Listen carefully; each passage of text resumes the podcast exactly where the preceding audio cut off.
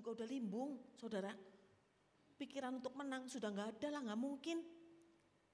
Bagaimana mau menang? Nggak jatuh di lapangan saja udah bagus. Lemes, saudara. Ya, tapi saya ingin saksikan buat saudara di dalam keadaan yang tidak mampu seperti itu, saudara. Saya kan nggak perlu nggak perlu saksikan babak pertama ketemu siapa, skornya berapa, kan nggak bisa habis nanti, ya.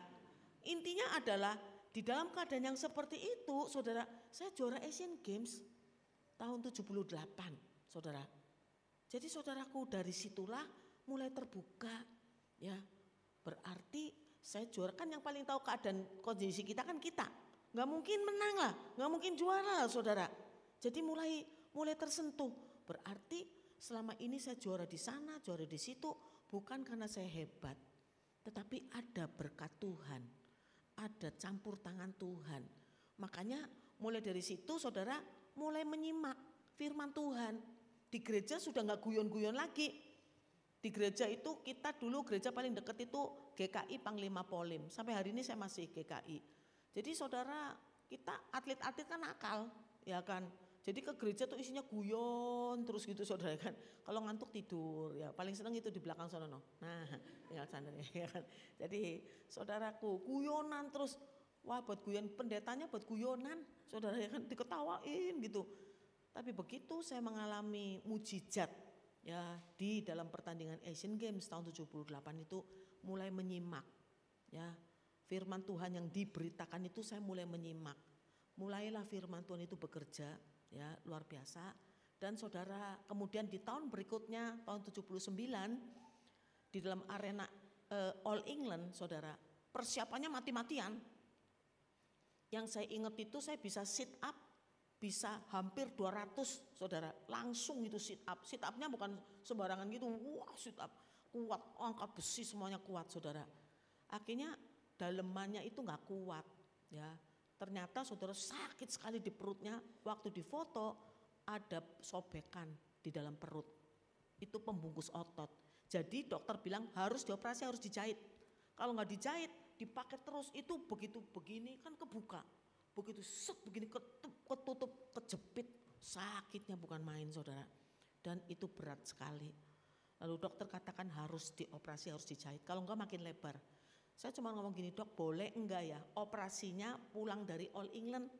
Karena zaman itu kalau mau pergi ke luar negeri pertandingan itu ada seleksi. Seleksinya udah menang. Kalau saya tunda tahun depan belum tentu seleksi menang. Jadi saya minta izin sama dokter, dokter boleh enggak operasinya setelah pulang All England. Akhirnya singkat cerita dokternya mengizinkan, tapi kamu enggak boleh pakai otot perut terlalu berat. Dan saudaraku untuk bulu tangkis otot perut sangat penting. Tapi saudara daripada nggak boleh berangkat, saya bilang oke okay, nurut aja lah. Ya baik dok, baik dok. Ya. Dan saudara di dalam keadaan yang tidak mampu seperti itu sakit saudara. Tapi Tuhan kasih prestasi yang luar biasa. Saya juara di ganda putri, beberapa jam kemudian main di ganda campuran juara juga. Jadi dapat dua gelar sekaligus. Amin saudara. Tepuk tangan dulu untuk Tuhan. Jadi saya sering mengalami dalam kehidupan bagaimana e, mujizat Tuhan itu terjadi yang memang tidak mungkin. Kalau saya dalam keadaan sehat, ah, itu memang karena saya latihannya hebat. Atau juara di satu nomor saja, ya memang itu masih mungkin. Tapi yang hebatnya di dalam keadaan sakit, dua gelar sekaligus. Yang menurut saya ini rada sombong dikit nggak apa-apa ya saudara ya kan. Kayaknya kok nggak mungkin dipecahkan. Dapat dua gelar sekaligus di All England loh. Satu gelar aja udah sulit, ini dua gelar sekaligus. Jadi saudaraku sampai hari ini sepertinya baru ya ganda ganda campuran ya. Tapi dapat dua gelar satu orang itu belum pernah ada di Indonesia. Baru Ogut. Eh, ya kan.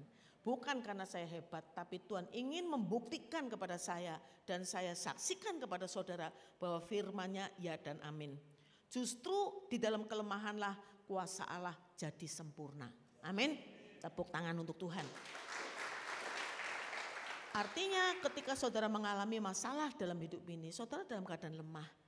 Ya Apakah fisik saudara, apakah kondisi saudara, keadaan saudara sepertinya nggak mungkin. Maka saudara apa yang harus saudara lakukan? Saudara angkat tangan dan Tuhan turun tangan. Amin saudara. itu tahun 79 prestasi yang terbaik.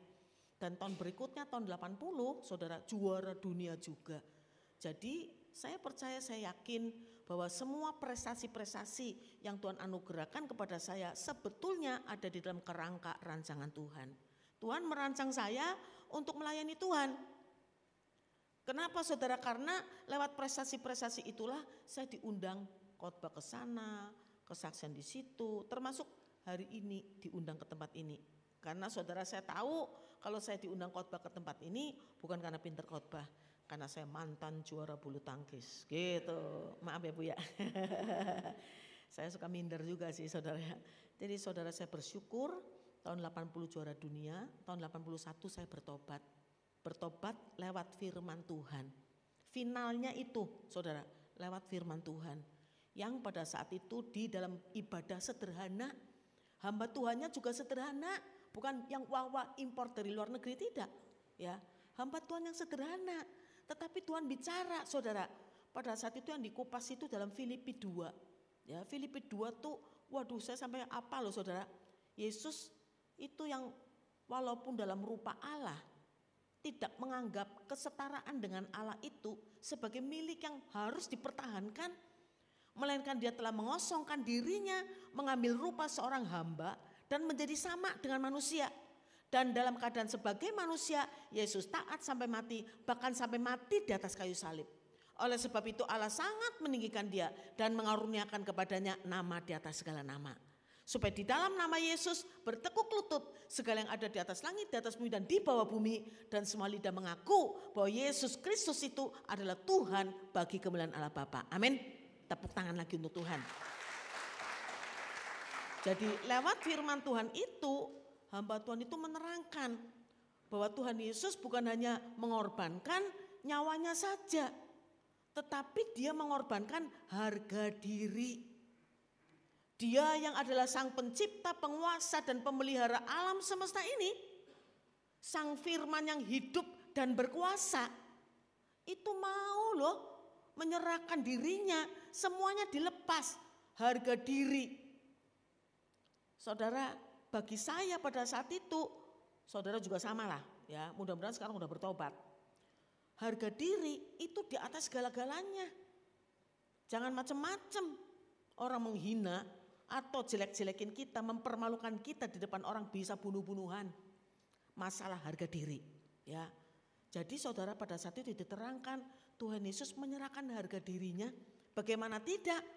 Dia yang dahsyat, hebat, luar biasa, saudara dipermalukan, dihina, dilecehkan. Pada saat dia tergantung di atas kayu salib, dia sudah nggak punya apa-apa. Saudara, semuanya habis. Untuk siapa? Untuk menyelamatkan saudara-saudara dan saya. Dari kematian kekal menuju kepada kehidupan kekal. Saya dari kecil oleh papa saya terutama diajar tentang harga diri. Karena kami delapan bersaudara itu uh, uh, enam wanita yang dua pria. Kita dalam keadaan yang nggak punya uang, saudara, pas-pasan semuanya kurang, saudara, hidupnya susah. Orang zaman dulu kan ngomongnya gini, banyak anak banyak rezeki, ternyata salah, banyak masalah, ya. Makanya papa saya ngeliat begitu, dia ngajarin kita begini, kita nih sudah nggak punya uang, jangan sampai nggak punya harga diri. Jaga baik-baik harga diri. Istilah beliau keren, biar miskin asal sombong. Begitu, bagus juga ya. Jadi saudaraku, jadi kita tumbuh menjadi anak-anak yang sombong. Makanya begitu diterangkan Tuhan Yesus menyerahkan harga diri langsung takluk saya saudara. Luar biasa Tuhan kita. Amin saudara. Langsung saya bertobat dan saudaraku yang dikasih oleh Tuhan. Setelah bertobat emang Terus langsung wah begitu bertobat apa pun yang kita minta Tuhan kasih. Jawabannya cepat, saudara. Sakit disembuhkan.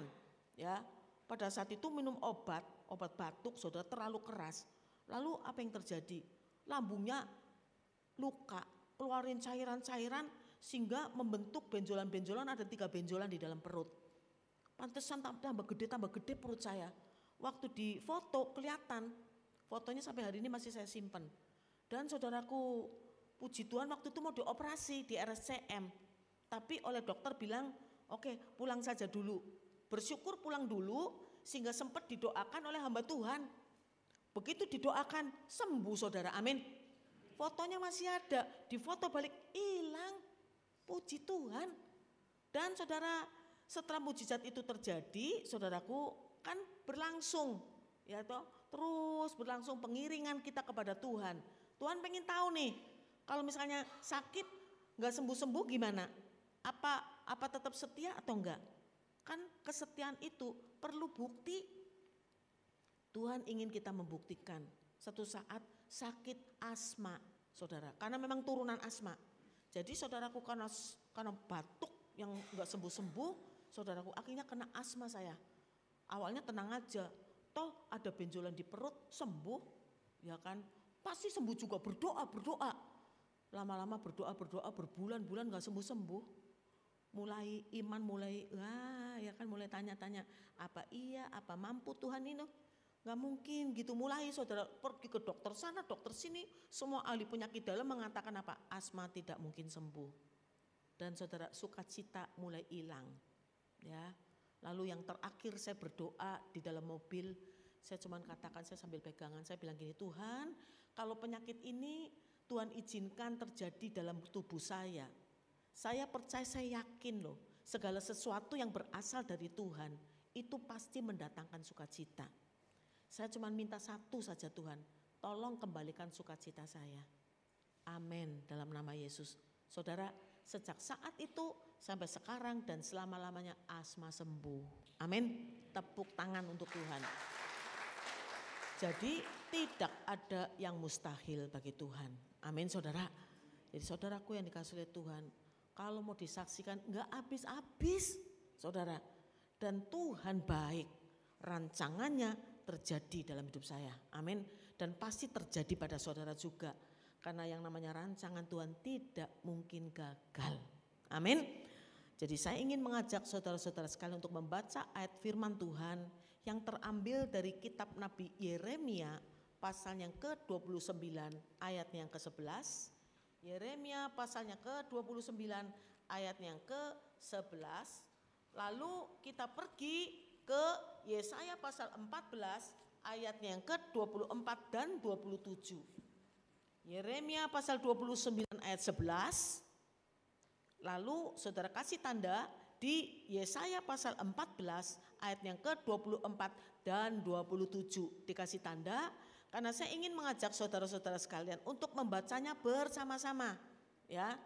Dan saya ingin menghimbau saudara-saudara ketika membaca firman Tuhan, saudara harus membacanya dengan semangat. Perkatakan firman Tuhan dengan semangat.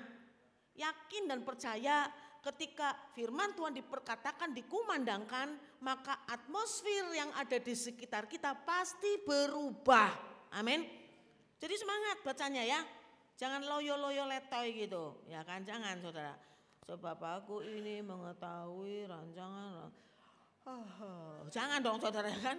Ya, sebab aku ini mengetahui rancangan-rancangan apa yang ada padaku mengenai kamu gitu loh saudara. Jadi saudaraku harus semangat saya sekarang ini bersyukur, saudara, ya sebelum baca firman Tuhan. Sekarang saya sebagai ketua ya di klub Jaya Raya, ya. Dan saudaraku ada 16 lapangan, itu gedungnya besar sekali dan ada sekolahnya dan asrama. Menangani sekitar 123 atlet dan kita punya satelit-satelit di beberapa daerah ada 17 satelit nggak kebayang luar biasa, besar dan hebat, saudaraku. Dan yang mimpin nenek-nenek, ya kan. Ketua umum kita Pak Rudi Hartono bersyukur ipar itu ipar. Jadi saudaraku, saya memimpin itu nggak mungkin lah. Secara manusia kan nggak mungkin, saudara. Ya, berat itu. Apalagi saya sekarang setir sendiri. Karena apa? Karena dua tahun yang lalu suami saya. Tadinya semua dia yang bikin kerjaan semua uh, untuk IT-nya, itu semua suami saya yang bikin program. Begitu dia sakit bulan Februari, saya bingung mesti ngapain, nggak ngerti. Terpaksa Pak setir sendiri, karena sopir yang sudah tujuh tahun, tujuh tahun ikut saya minta naik gaji gua nggak kasih. ih keluar saudara ya. Saya setir sendiri sudah dua tahun ini dan letaknya dari rumah menuju kepada uh, uh, gedung olahraga kita di Bintaro itu 42 km. Satu jalan kalau nggak macet satu setengah jam. Kalau macet walahu alam. Ya kan? Bolak-balik itu 90 km. Saya setir sendiri saudara. Dan saudaraku Tuhan baik kan dijaga. Amin saudara. Jadi saudaraku nenek-nenek bingung tuh orang tuh liatin saya. Ya, tapi ini jadi senjata saya. Saya pakai gini. Kalau kalau mau belok kan biasa kalau udah lihat nenek-nenek dia nggak kalau lihat perempuan yang ini kan nggak dikasih belok-belok. Saya pakai kacamata, saya buka jendela. Itu ya kan langsung ada yang teriak ini, ya lewat nek, lewat. Begitu ya kan kurang ajar ya kan. Jadi saudara, pokoknya macam-macam. Jadi ditangkap polisi, ya kan malam-malam mau pulang itu tiga jam nggak nyampe-nyampe, saudara. Akhirnya prit, waduh ketangkap polisi. Waduh, sebelum dia marah, gua marah duluan. Akhirnya, Pak polisi, harusnya Pak polisi tuh bantu saya nenek-nenek. Udah mau tiga jam, nggak nyampe-nyampe rumah Pak. Oh, ibu mau ke mana? Saya mau ke Pondok Gede. Oh gitu ya, Bu nanti lewat sini naik terus turun ke TBC Matupang terus langsung ke kiri. Oh ya makasih ya Pak. Dia lupa nanya insim, ya kan. Jadi saudara Tuhan baik, amin. Satu saat, satu saat lagi ini ini jadi cerita banyak. Satu saat ini saudara uh, pelayanan ke Taman Palem. Taman Palem itu uh, lewat tol, wah semacetnya bu gitu. Terus harusnya biasanya keluar ke situ, keluar ke situ biasanya Pak Ogah Terus di depan dan mogot, tinggal nyebrang dan mogot udah nyampe Taman Palem. Tahu-tahu ditutup, tapi yang jaga polwan. Wah, temen dong CS dong kalau perempuan ya kan. Tenang saya, saya deketin gitu. Saya bilang, bu, bu, bu, tolong dong bu. Cuman itu tuh udah tinggal nyebrang bu, kasihan bu nenek-nenek bu gitu ya kan. Itu polwan itu ya, mukanya ekspresinya nggak berubah, datar aja. Tadi juga banyak nenek-nenek, begitu. Dari yang mau marah jadi nggak marah gue ya kan. Tuhan baik, amin saudara. Yang penting dalam hidup ini semangat. Amin, oma-oma ini, oma-oma. Jangan kalah sama oma ini nih, ya kan, haleluya. Gua nyetir ini ya, terbang lagi, ya kan, haleluya. Pokoknya Tuhan dahsyat. Yang penting jangan ngeluh, ya.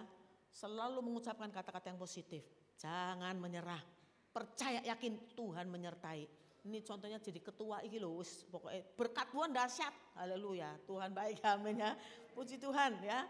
Jadi rancangan Tuhan itu terjadi kalau kita ikut juga bekerja dong. Kan nggak mungkin berdoa doang terus Tuhan tolong kasih menang, kasih menang terus kita nggak nggak latihan kan nggak mungkin. Ya saudara harus bekerja. Bapak-bapak atau ibu sekalipun yang bekerja pengen naik gaji, pengen naik pangkat, kepengen bisnisnya maju, ya kerjanya sih benar ini saya orang Jawa soalnya kan. Yang benar kerjanya. Jangan cuma berdoa, doa nggak mungkin. Ya, kita juga harus berusaha. Amin. Ya, semangat. Ya kan? Ya oma ya oma oma haleluya ya kan. Jangan jadi beban ngono loh. Saya kepengen menyemangati tuh oma-oma. Ya kan? Jangan jadi beban anak gitu. Kalaulah ada yang ikut anak, jangan jadi beban. Justru kita malah jadi berkat. Amin. Yang ikut anak, yang ikut mantu, jangan jadi beban.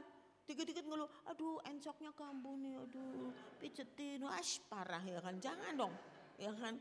Jadi nanti nanti kita jadi beban. Justru diinginkan.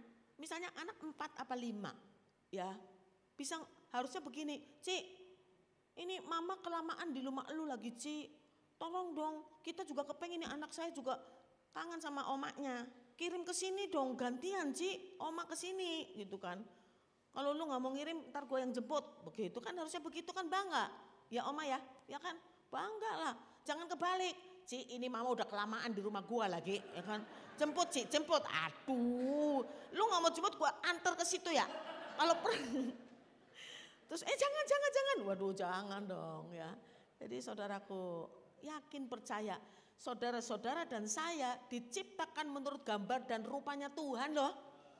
Berarti hebat Hebat ya, yang penting apa? Mau. Kan Tuhan tanyanya nggak bisa apa nggak bisa? Bukan, mau nggak dipakai oleh Tuhan. Hidup ini adalah kesempatan. Hidup ini untuk melayani Tuhan. Refrennya, Bila saatnya nanti ku tak berdaya lagi. Hidup ini sudah jadi berkat. Amin. Puji Tuhan ya. Eh, ini intronya kebanyakan nih. Kita baca ya saudara. Kalau udah gini gua nggak pengen berhenti. Tuhan dahsyat ya. Haleluya ya saudara ya. Jadi saudaraku uh, uh, santai aja santai ya. Tapi baca firman Tuhan nggak boleh santai ya. Semangat ya kan. Harus semangat gitu. Kamu mau pertandingan harus semangat. Tunjukkan, jangan mau kalah. Berjuang, berdoa, pasti menang. Begitu. Nggak mungkin saya ngomong gini sama atlet-atlet. E, kamu mau tanding ya? Semangat ya. Mudah-mudahan menang gitu. Jangan dong ya. Jadi saudaraku harus semangat. Amin. Apalagi ada Pak Gembala. Haleluya. Dahsyat nih. Cayo. Kita baca ya saudara ya. Semangat bacanya oke. Awas kalau enggak ya. Saya undang saudara bangkit berdiri. Kita membaca tiga ayat dari Yeremia pasal 29 ayat 11. Lalu kita akan baca di Yesaya 14 ayat 24 dan 27. Ya, kita baca yang Yeremia 29 dulu ayat 11. Satu, dua, tiga. Sebab aku ini mengetahui rancangan-rancangan apa yang ada padaku mengenai kamu Demikianlah firman Tuhan, yaitu rancangan damai sejahtera dan bukan rancangan kecelakaan untuk memberikan kepadamu hari depan yang penuh harapan. Amin. Yesaya pasal yang ke-14 ayat yang ke-24 dan 27 1 2 3. Tuhan semesta alam telah bersumpah firman-Nya sesungguhnya seperti yang kumaksud demikian akan terjadi dan seperti yang kurancang demikian akan terlaksana. Ayat 27, 1, 2, 3. Tuhan semesta alam telah merancang. Siapakah yang dapat menggagalkannya? Tangannya telah teracung. Siapakah yang dapat membuatnya ditarik kembali? Amin. Terima kasih saudara silakan duduk. Dahsyat enggak saudara? Saudara memperkatakannya dengan sungguh-sungguh dan semangat. Telinga saudara dengar, ya kan? Saudara semangat ya bahwa rancangan Tuhan itu bagi saudara adalah rancangan damai sejahtera, bukan kecelakaan. Mempersiapkan bagi saudara hari depan yang penuh harapan. Amin saudara. Gak mungkin Tuhan jahatin kita. Gak mungkin saudara. Tuhan gak mungkin jahatin saudara. Rancangan itu baik semuanya untuk saudara. Tapi yang namanya rancangan itu gak mungkin dong langsung jadi. Ada ada waktunya dirancang dulu sama Tuhan. Amin saudara, supaya sempurna. Kalau langsung langsung langsung gitu saudaraku, kemungkinan tidak sempurna. Tetapi ketika ada waktu, itu semuanya yakin percaya semuanya akan indah pada waktunya. Yang paling tahu waktu yang terbaik untuk kita adalah Tuhan. Kita nggak tahu waktu yang terbaik untuk kita, kita kan nggak tahu, saudara. Ya kan? Jadi kita ini cuman sok tahu. Akhirnya Pak, sok ikut-ikutan. Wis toh, nggak usah ikut-ikutan. Percaya berserah penuh. Katanya bahasa Inggrisnya ini loh. Bahasa Inggrisnya bukan hanya believe saja, tetapi trust. Artinya berserah, yakin dan percaya Tuhan mampu melakukan segala perkara. Amin saudara. Tuhan kita adalah Tuhan yang berkuasa. Tidak pernah berdusta tuh Ibrani pasal 6. Sifat Tuhan kita adalah tidak pernah berubah-ubah. Ayat 27. Dan Tuhan kita tidak pernah berdusta. Ayat 28. Jadi saudaraku nggak pernah berdusta. nggak pernah berubah-ubah saudara. Meskipun dunia berubah-ubah. Alam semesta ini jujur sedang berubah-ubah. Saudara-saudara dan saya jujur juga sering berubah-ubah. Kadang setia, kadang nggak setia. Tapi firman Tuhan tidak pernah berubah. Sekalipun kau tidak setia, aku tetap setia. Cari di mana Tuhan yang begitu coba. Kalau di tempat lain umatnya nggak setia, ditinggal. Tapi Tuhan kita, engkau tidak setia, aku tetap setia. Dan itu firman. Yang nggak mungkin berubah karena sifat Tuhan sekali lagi tidak pernah berubah. Cari di mana Tuhannya atau dewa-dewanya mau mati untuk umatnya ayo. Enggak ada matiin umatnya iya. Ya kan nyebelin ngeselin pites saya ya kan sudah dipaehan wainya. gitu ya. Jadi saudaraku, ya nggak ada hanya di tempat kita kemurahan yang luar biasa. Amin saudara. Saudara terima anugerah. Keselamatan itu anugerah, bukan usaha manusia. Saudara mau nyumbang, jungkir balik seluruh hartamu, bahkan firman Tuhan katakan apa? Nyawamu kau serahkan, tapi kalau nggak ada kasih itu nol besar. Semuanya itu pemberian Tuhan. Amin saudara. Jadi saudaraku yang dikasih oleh Tuhan, betapa baiknya Tuhan. Rancangan Tuhan nggak mungkin jahatin kita. Kita banyak mengalami masalah dalam hidup ini. Bukan karena Tuhan sedang isengin kita enggak, saudara. Ya, sampai kadang-kadang masalah yang kita hadapi mentok loh. Enggak mungkin lah saudara. Saya tadi sedikit saksikan, enggak mungkin. Sakit loh saudaraku. Ya, sakit psikis, ya kan di Asian Games, sakit perutnya. Saudara, enggak mungkin. Tapi bukankah Tuhan selalu menyatakan kepada kita tidak ada yang mustahil bagi Tuhan. Amin. Tepuk tangan untuk Tuhan. Gak ada saudara ya. Semuanya Tuhan mampu lakukan. Makanya sekalipun tidak ada dasar untuk bisa diharapkan tetaplah berharap dan percaya. Karena Tuhan yang kita sembah adalah Tuhan yang berkuasa untuk melaksanakan apa pun yang dia janjikan. Dia tidak pernah berdusta.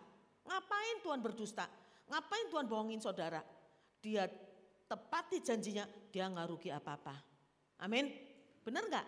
Dia tepati janjinya kepada saudara-saudara dan saya, dia nggak rugi. Ngapain dia bohongin saudara? Ngapain saudaraku? Kita nih jujur aja sering bohong, sering tidak mendapati janji. Kenapa? Karena setelah dipikir-pikir sayang loh. Janji untuk membantu keuangan, tapi begitu dipikir-pikir, waduh sayang loh, kan bisa buat beli ini, bisa buat beli itu. Akhirnya apa? Sorry, uangnya sudah habis. Padahal enggak. Kenapa? Si pun rugi, kata orang Hokian si pun bener enggak? Ya. Tapi kalau Tuhan yang tepati janjinya bosi pun, ya enggak ada ruginya. Ngapain dia bohong? Kalau belum dijawab, memang belum waktunya. Amin saudara. Ada waktunya rancangan Tuhan itu ada waktunya. Jadi saudaraku, tetapi pasti yang namanya firman Tuhan, janji Tuhan dan rancangan Tuhan itu nggak mungkin berubah. Itu sifat Tuhan.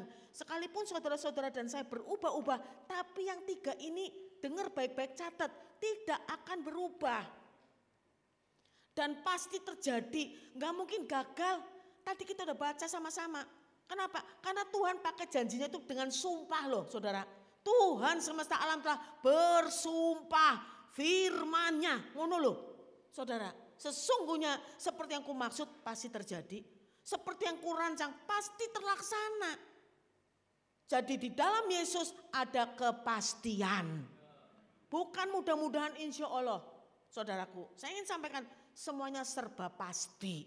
Tetapi yang harus saudara pahami bahwa waktunya Tuhan bukan waktu kita tapi pasti saya akan bacakan dari Yesaya pasal 55 untuk saudara ayat 8, 9, 10, 11. Saudara dengar baik-baik nih, bagus banget. Sebab rancanganku, kata Tuhan, bukanlah rancanganmu. Dan jalanmu bukanlah jalanku. Demikianlah firman Tuhan. Seperti tingginya langit dari bumi, demikianlah tingginya jalanku dari jalanmu dan rancanganku dari rancanganmu. Sebab seperti hujan dan salju turun dari langit dan tidak kembali ke situ, melainkan mengairi bumi, membuatnya subur, menumbuhkan tumbuh-tumbuhan, memberikan benih kepada penabur dan roti kepada orang yang mau makan. Demikianlah firmanku yang keluar dari mulutku, ia tidak akan kembali kepadaku dengan sia-sia, tetapi ia akan melaksanakan apa yang ku kehendaki dan akan berhasil dalam apa yang kusuruhkan kepadanya. Amin. Tepuk tangan untuk Tuhan. Jadi semuanya itu pasti. Kalau itu merupakan sebuah kepastian, maka sekalipun lama layak untuk dinantikan. Amin saudara. Wis toh sabar aja. Ya kan? Karena pasti sabar dan berdoa. Itu yang gua dua kata yang aku nggak suka. Dulu waktu mengalami masalah 10 tahun lebih, saudara, nggak kuat saya. Begitu masuk tahun keempat aja udah goyah. Berdoa itu saudaraku saya mengalami kebangkrutan, bangkrut, habis semua disita. Habis saudara. Dan saya nggak kuat. Kenapa? Karena lumayan kan saya punya nama, ya email dan nama saya, ya kan. Jadi saudaraku ditakut-takutin nama kamu saya masukin ke koran, uh nggak kuat. Hampir tiap hari ditongkrongi debt kolektor. Sementara uang kita di tempat orang lain banyak nggak bisa ditagih. Saudara, aduh saya ngalamin empat tahun sudah nggak kuat. Mulai mulut mulai jahat terhadap Tuhan. Mana janjinya? Katanya pencobaan gak lebih dari kekuatan. Kalau yang ini udah kelewatan begitu. Wis pokoknya ngono-ngono loh. Jahat mulutnya saudara. Ya, apalagi dengar dua kata itu sabar berdoa. Ya kan pendeta, maaf ya pendeta yang ini, ya kan. Ngomongnya kan selalu gitu, sabar berdoa. Uh, gua jawab, sudah. Berdoa, berdoa, udah berbagai macam posisi, sudah udah. Saya saya dari GKI ya kan? Itu pengakuan iman Rasulullah aku percaya kepada Allah. Uh langsung harusnya uh nggak dijawab ternyata ya kan? Sudah saudara. Sampai glosor tengkurap ya kan? Jadi tiap hari nggak pernah absen. Jadi pada saat itu saya sudah jadi pelatih saudara e, kalau pertandingan keluar negeri kan biasa sekamar sama Leong Chus ya itu saya tunggu dia tidur dulu nggak pernah absen jam 12 malam doa saudara Enggak, enggak dijawab-jawab. Saudara, beratnya bukan main, enggak kuat. Saudara, enggak kuat. Ya, kalau ada pendeta yang khotbahnya berapi-api, tenang saja. Ya, yang penting sabar, berdoa. Saya senggol suami saya, dia belum ngalamin. Begitu ya kan. Jadi saudaraku, luar biasa yang dialami.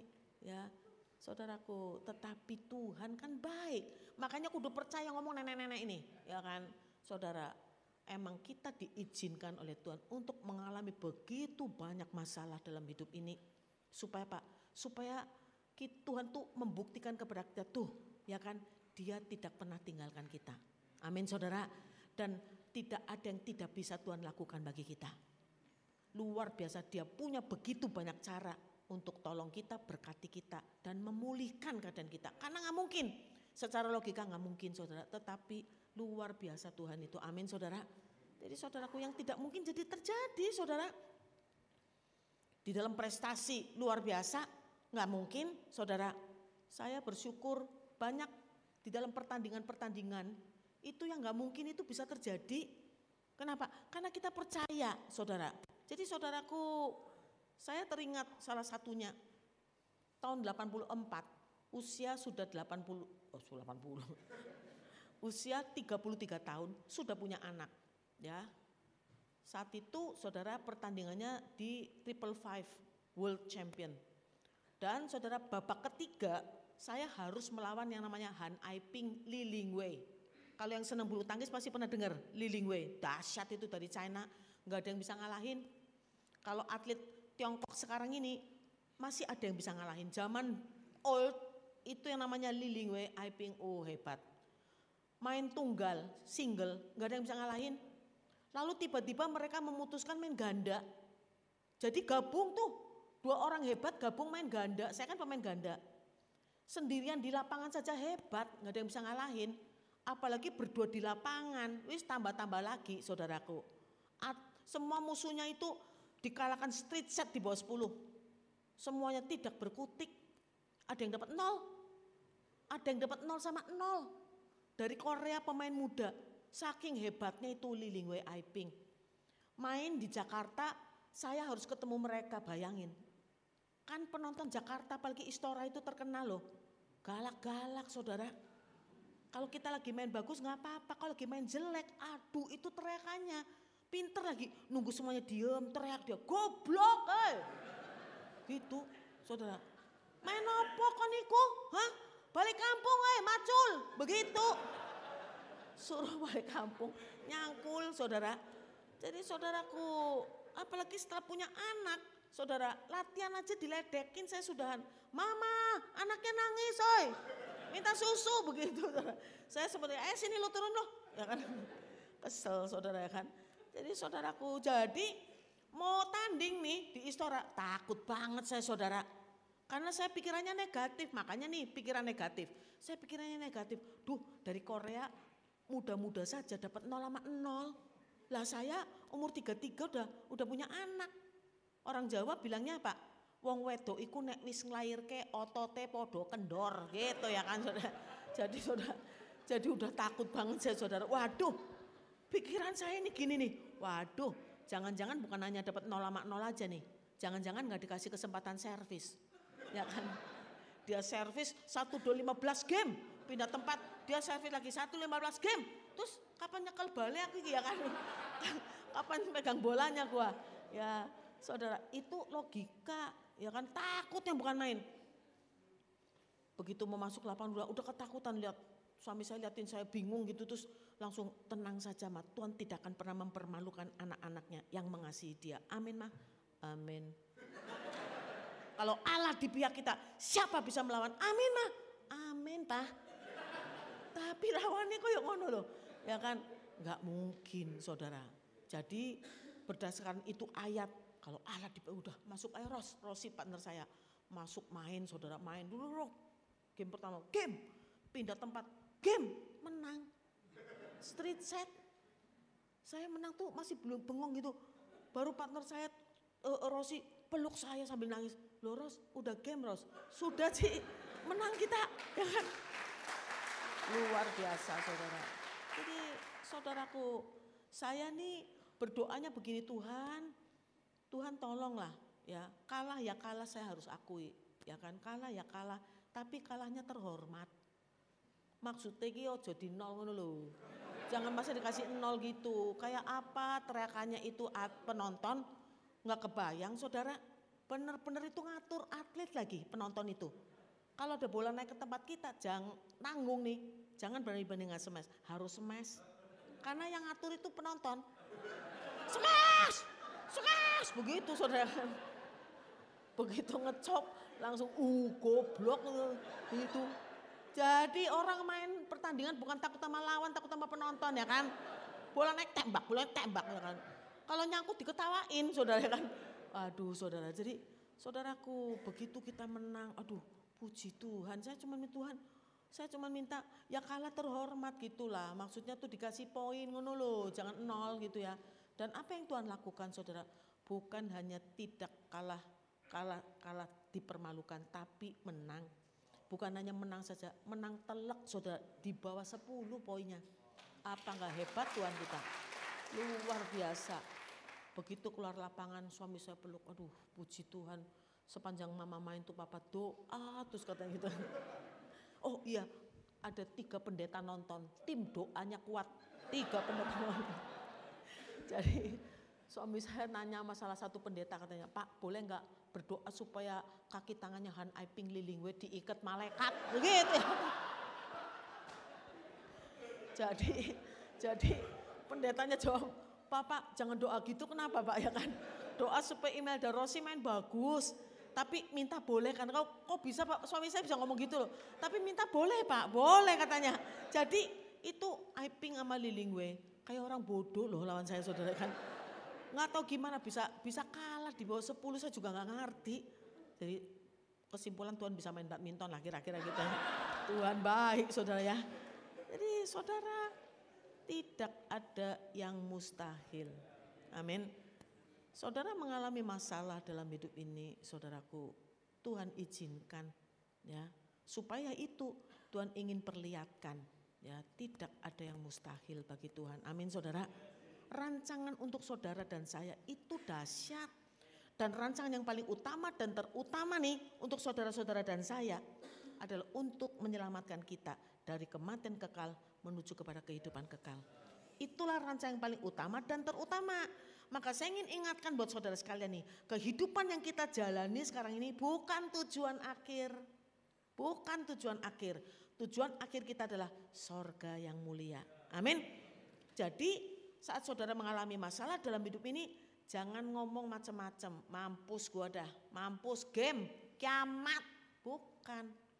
Saudara dan saya ada di dalam arena pertandingan. Ya, di dalam kehidupan ini. Tuhan ingin sedang melatih saudara. Supaya Pak, supaya saudara mampu untuk tetap taat setia kepada Tuhan sampai mati. Amin saudaraku. Sehingga kita layak masuk sorga. Kan itu. Dia sudah menyerahkan nyawanya. Dan luar biasa saudaraku keagungannya, harga dirinya sudah dia korbankan. Dia kasih contoh jadi manusia. Tuhan itu saudara adalah untuk memberikan contoh keteladanan tentang taat. Taat sampai mati. Jadi itu yang Tuhan ingin untuk kita lakukan. Taat. Amin saudara. Jadi saudaraku kehidupan sekali yang kita jalani bukan tujuan akhir ya. Amin ya saudara. Kan hidup ini pendek. Pendek lah saudara. Kalau kuat itu saudaraku 80 lah ya. Saudara 80 juga katanya bonus ya saudaraku. Saya juga nggak mau sampai 100 tahun ngapain ya kan. Umur 100 tahun pasti udah ngerepotin orang betul nggak? Udah nggak bisa di, di, diperjuangkan lagi. Mau, mau dandan juga nggak bisa saudara ya kan. Sekarang aja bikin alis suka siksak bu ya kan kan itulah kira-kira. Jadi saudaraku pendek dan waktu berjalan cepat. Sebentar lagi nih besok sudah tanggal 1 April 2019. Ya, 17 hari lagi jangan lupa coblos. Amin Saudara. Haleluya. Tuhan baik ya. Enggak berani ngeliat sini gua ya. Jadi saudaraku, waktu cepat sekali berlalu ya. Saudara, jadi itulah kesempatan yang Tuhan berikan buat kita. Amin saudara. Ada mujizat, tidak ada mujizat, tetap taat setia pada Tuhan. Amin. Ada pertolongan, tidak ada pertolongan, tetap cinta Tuhan. Karena Tuhan baik, nggak pernah berubah. Yang dahsyatnya ya saudara ya, kenapa di Yohanes 3 16 dibilangnya karena begitu besar nggak ada ukurannya. Begitu besar, tidak terukur. Kenapa saudara? Karena dia yang merancangkan, rancangan Tuhan itu untuk menyelamatkan saudara-saudara dan saya dari kematian kekal menuju pada kehidupan kekal. Itulah rancangan Tuhan yang paling utama dan terutama. Yang hebatnya dia sebagai perancang memasukkan dirinya ke dalam rancangannya bukan untuk dihormati, diagung-agungkan dan dipuji-puji. Dia masukkan dirinya ke dalam rancangannya untuk dihina, dipermalukan, dilecehkan, disiksa dan dibunuh. Mana ada orang merancang untuk dirinya sendiri kok jadi celaka. Bukan hanya mati saja loh. Dipermalukan, dilecehkan loh. Saudara, sebentar lagi kita akan merayakan kematian Tuhan. Ya saudara, harus tahu itu. Pengorbanannya dahsyat, bukan nyawanya. Harga dirinya itu loh, saudara. Jadi saudaraku harga diri kan di atas segala-galanya kalau kita belum bertobat. Papa saya juga ngajarinya begitu kan. Biar miskin asal sombong begitu ya kan. Jadi saudaraku maka Tuhan menyerahkan harga dirinya. Aduh itu sudah pengorbanan yang luar biasa. Amin saudara. Jadi saudaraku mari kita berjuang supaya Pak, supaya pengorbanan Tuhan itu tidak sia-sia. Amin saudara. Dan saya bersyukur kepada Tuhan, saudara. Karena Pak, karena rancangan Tuhan kepada kita bukan ketika kita sudah mati saja kita menikmati sorga. Ya, pada saat kita masih hidup di dunia ini, Tuhan juga merancang supaya kita bisa menikmati kerajaan sorga. Amin saudara. Gak ada amin, gak dapat. Amin. Iyalah. Kenapa saya ngomong gitu? Karena Tuhan Yesus ngajarin kita doa Bapa kami. Coba apa bunyinya? Datanglah kerajaanmu. Jadilah kehendakmu di bumi seperti di sorga. Itu yang bicara siapa? Tuhan. Tuhan yang bicara. Ayo sampaikan kepada Bapak di sorga. Bapak di sorga datanglah kerajaanmu.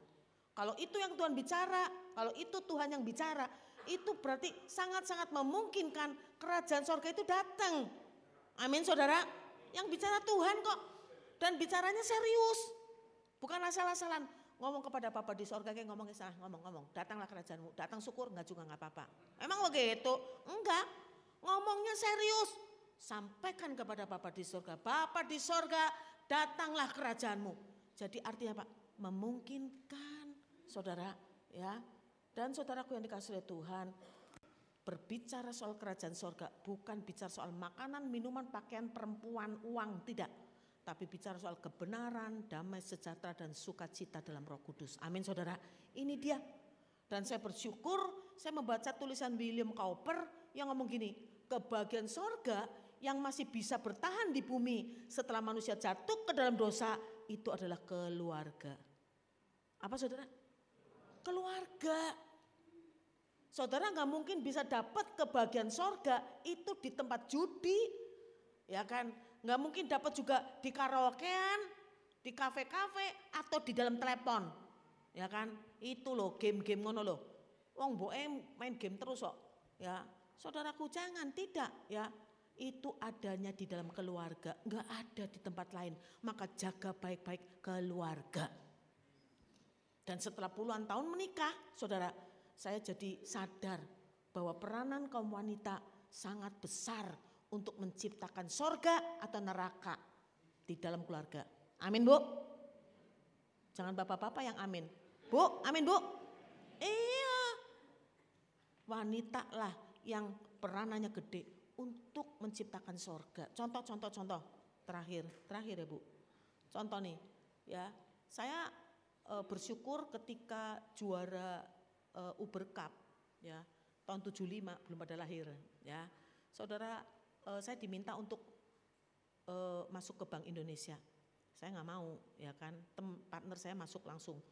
Tapi pada saat 78 juara Asian Games diminta untuk dipaksa masuk ke uh, Bank Indonesia. Nggak usah kerja, makan gaji buta. Wah, jadi saya jadi karyawan BI, tapi nggak kerja, saudara ya. Dan saudaraku pada saat saya aktif sudah ngamen bulu tangkis, saya aktif di BI Bank Indonesia. Dan saudaraku, uh, saya bersyukur kepada Tuhan karena saudara uh, begitu banyak kenalan-kenalan dan saya melihat ya ada seorang bapak yang begitu sudah waktunya pulang kantor, ini nggak pulang-pulang. Kan jadi pergunjingan kaum wanita biasa, ya kan. Kenapa ya si bapak itu tuh waktunya pulang nggak pulang-pulang? Lama-lama kita nanya, Pak kenapa sih Pak kok nggak pulang-pulang? Waktunya pulang, Bapak paling sering deh nggak pulang. Ada aja yang dilakukan. Jawabannya apa? Males pulang, rumah udah kayak neraka begitu. Ada kuntilanak, oh kuntilanak, ada kuntilanak di rumah. Coba ya, males pulang. Kita pulang kan kepengin tenang, ya kan, kepengin menghadapi apa kerumitan di dalam kantor itu bisa terselesaikan di rumah gitu loh. Tapi ini mah pulang ke rumah tambah rumit.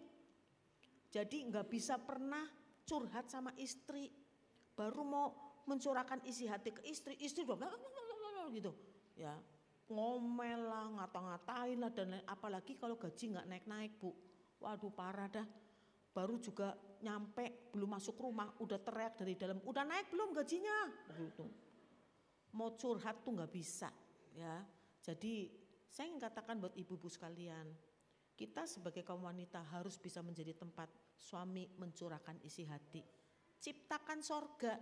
Jadi suami pergi ke mana-mana, kepenginnya cepat pulang kan? Karena rumah udah kayak sorga, betul nggak? Pengen ketemu malaikat, ngono loh ya kan, meskipun gendut ya kan, kan ada malaikat gendut kali ya kan, orang suami nggak bisa mabur ya kan. Jadi saudaraku ciptakan sorga ibu-ibu, jadi kalau suami pulang mau mencurahkan isi hati, meskipun kita nggak ngerti bu, pura-pura ngerti bu. Oh gitulah, pulang-pulang ceritanya pabrik, ceritanya uh, uh, mesin-mesin pabrik, lah katanya speknya salah. Spek iki opo ya speknya. ya udah tapi pura-pura ngerti. Oh gitu. Oh oke okay, oke. Okay. Ya ya ya ya ya gitu aja. Jadi ciptakan sorga Bu. Amin Bu. Bu. Puji Tuhan ya Bu ya. Udah waktunya habis ya Bu ya. Masih berapa menit Bu? Jadi saudaraku yang dikasih Tuhan terakhir, terakhir. Perkara kecil jangan dibesar-besarin. Sering jadi masalah. Dari sejak menikah udah kasih tahu, anduk basah habis dipakai jangan dilempar ke kasur. Sampai sekarang masih. Ya sudah, itu kan bukan dosa. Ya Bu ya, tinggal diambil, dijembreng ini ya. Terus dijemur. Kan jemurnya juga nggak sampai satu kilometer bu, tinggal jemur sini ya kan. Ya kan? Jangan marah-marah dasar nggak dikasih didikan sama mamahnya. Lah mamahnya tinggalnya bareng-bareng di situ loh, mertua. ya kan? Jangan ya kan. Masalah sekarang macet nih, macet, macet sampai hari ini masih sering terjadi. Suami istri itu sering ber, berdebat dan terbekelahi masalah macet. Nyetir, biasa ke kanan, kanannya macet. Jadi dia nanya sama istrinya, menurut mama ini ke kanan apa ke kiri mah? Ya, si istri ditanya ya, istri yang ngomong menurut mama sih ke kiri pak. Si suaminya nengok bentar gitu, ih tetap ke kanan. Ya sudah nggak apa-apa bu, belajar nelen ludah. Jangan ngomel, kalau memang mau ke kanan, ke kanan aja. Nggak usah nanya-nanya. Apalagi begitu ke kanan benar-benar macet. Makanya bisa ribut itu ya. Tuhan baik ya. Jadi saudaraku yang dikasih oleh Tuhan, rancangan Tuhan bagi kita rancangan damai sejahtera, bukan kecelakaan ya. Yang penting harus berusaha ya sudah nggak boleh bantah-bantahan. Dulu saya senang bantah-bantahan, pokoknya nek bener mus bantah-bantahan. Sekarang nggak puji Tuhan, ya kan? Oh oke okay, oke okay, oke okay, oke, gitu kan? Puji Tuhan ya bu ya bu, bu ibu-ibu terutama nih, haleluya. Tuhan baik. Mari kita berdoa, amin.